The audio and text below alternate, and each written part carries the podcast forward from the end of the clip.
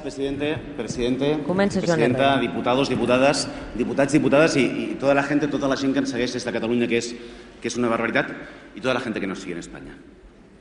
Porque estamos haciendo un acto de pedagogía en España. Yo voy a esquematizar mi intervención en cuatro bloques y una conclusión.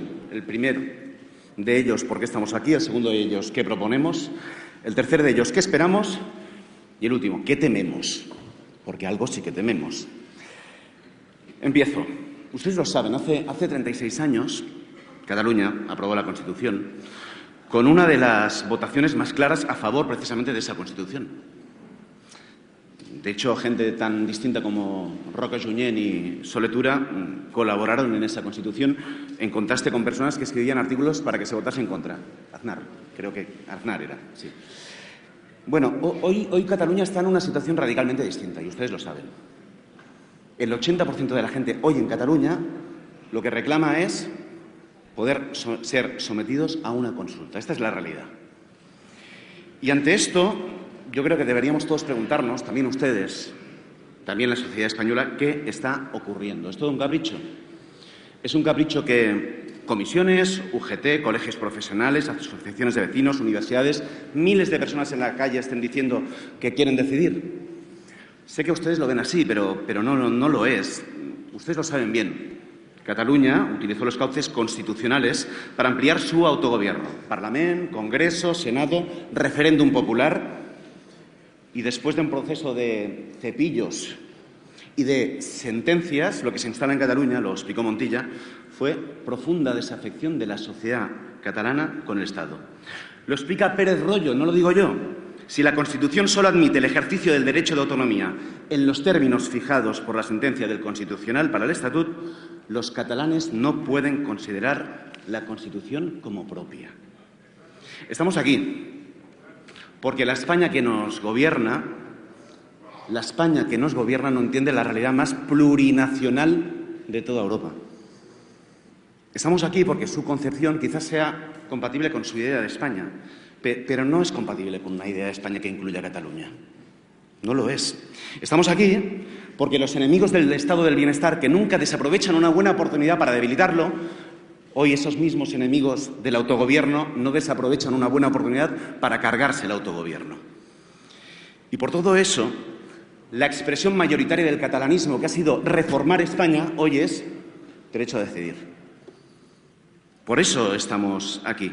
Y digo más, el debate territorial es solo una de las expresiones del fin de etapa que vive hoy España. Me atrevo a decir del fin de régimen. No solo la demanda del derecho a decidir, estaba en las calles el 22M en Madrid. El escenario de fin de régimen. Estaba en las mareas blancas defendiendo la sanidad pública. Estaba defendiendo la educación con las mareas verdes. Está el fin de régimen en las plataformas de afectados por la hipoteca que dicen que no aceptan una ley que salva bancos y abandona a la gente.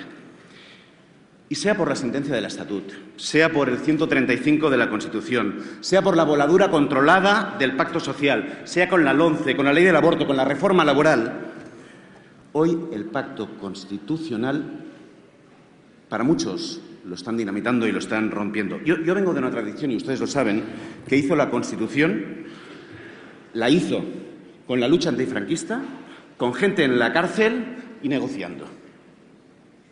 Esa es la tradición de la que yo vengo.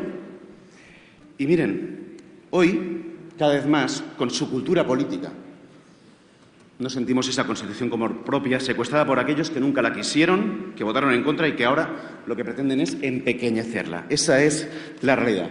En este escenario, ¿qué proponemos? Pues mire, les proponemos un pacto, una salida democrática, una salida política, un acuerdo. Porque creemos que esa es la mejor solución. Es como lo han resuelto en otras latitudes. Es la posibilidad que la ciudadanía de Cataluña pueda votar sobre su futuro político y que se delegue en la Generalitat una competencia exclusiva, no genérica, como dice el informe. Habría veces que tendrían que mejor leer mejor precisamente las proposiciones de leyes que les vienen de los parlamentos autonómicos, en los términos que se acuerde con el Gobierno del Estado, para que los catalanes y las catalanas se pronuncien sobre su futuro político. Un referéndum no vinculante, no como explican en la respuesta, acordado para iniciar un proceso democrático, no para definir en sí mismo una nueva realidad jurídica, como explican en su respuesta. No hay mejor propuesta que la ciudadanía hable. El Consejo de Europa dice que este es el mejor de los instrumentos. Porque, miren, el referéndum, un referéndum consultivo, es el mejor instrumento, es el mejor canal para debatir, porque forzaría a unos y a otros a hacer propuestas en serio y porque además se respondería a una demanda plenamente democrática.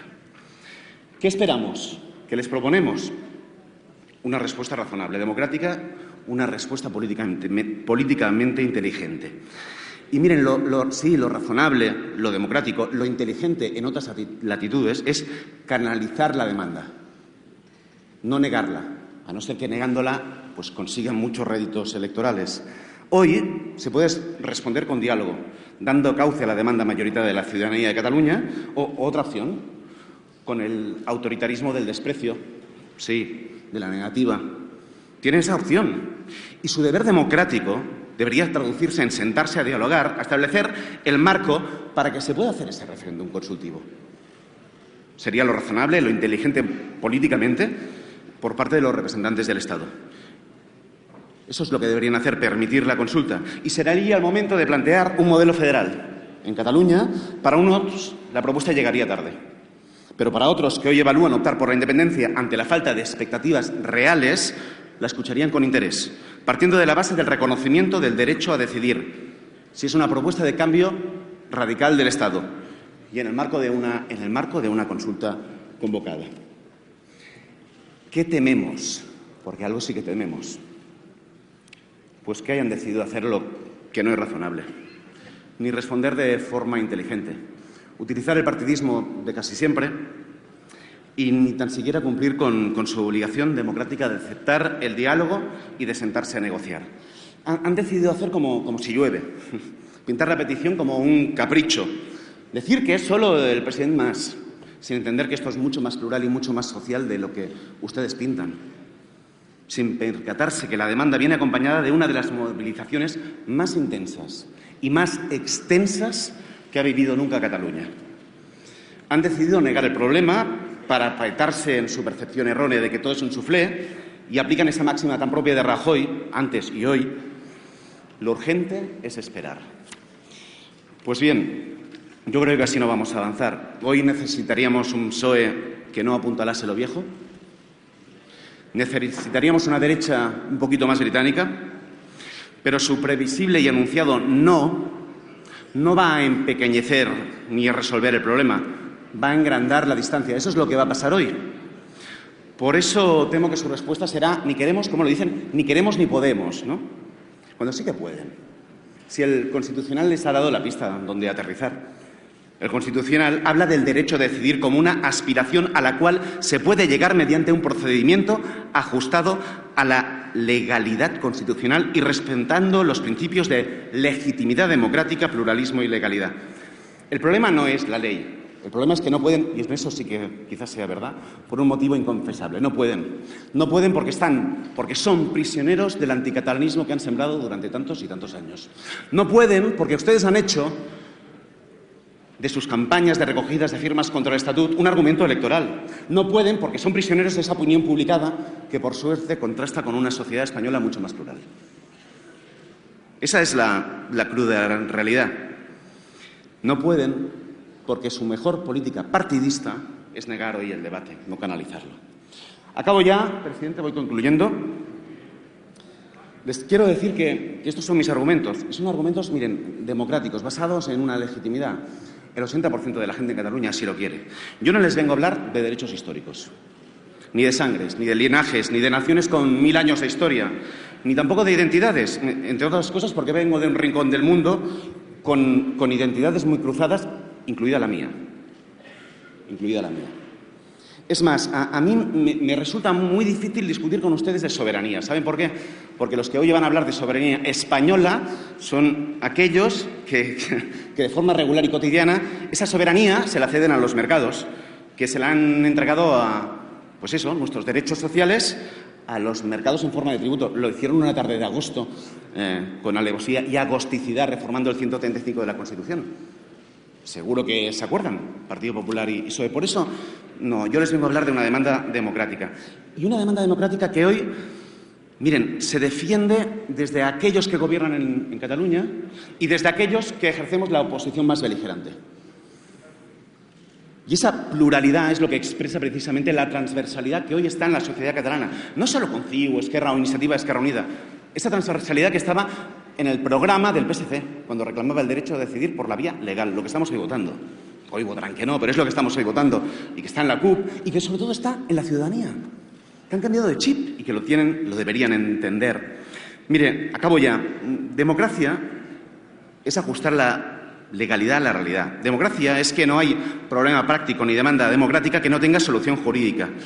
Hoy dirán, con una de esas expresiones del viejo régimen, yo creo que del bipartidismo, que no se puede.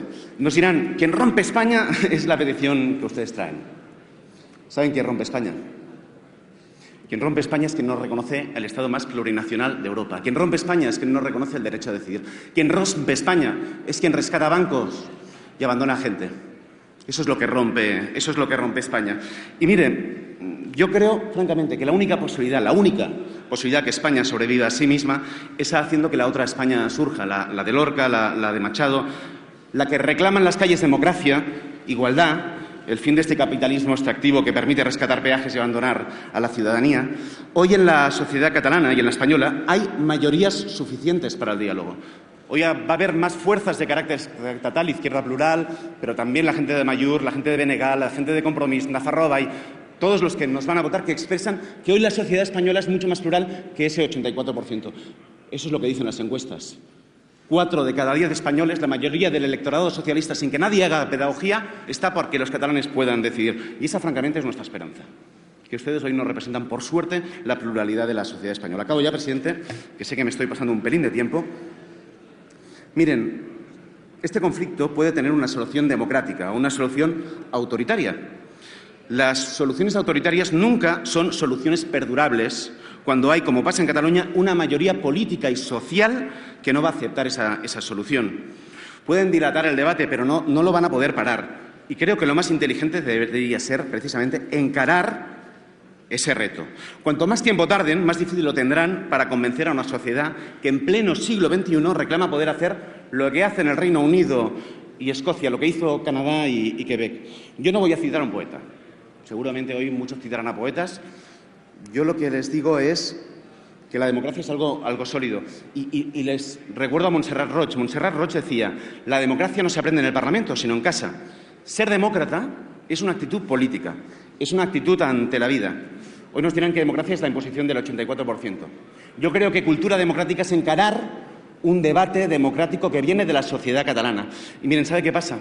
Que no lo van a encarar. Y por eso hoy en Cataluña hay gente que sí, que quiere independizarse, pero hay gente que lo que quiere es distanciarse mucho, mucho, mucho de esa cultura política que lo impone todo como un rodillo y que no entiende la pluralidad. Democracia es ser demócrata. es una actitud política, es una actitud ante la vida. Muchas gracias.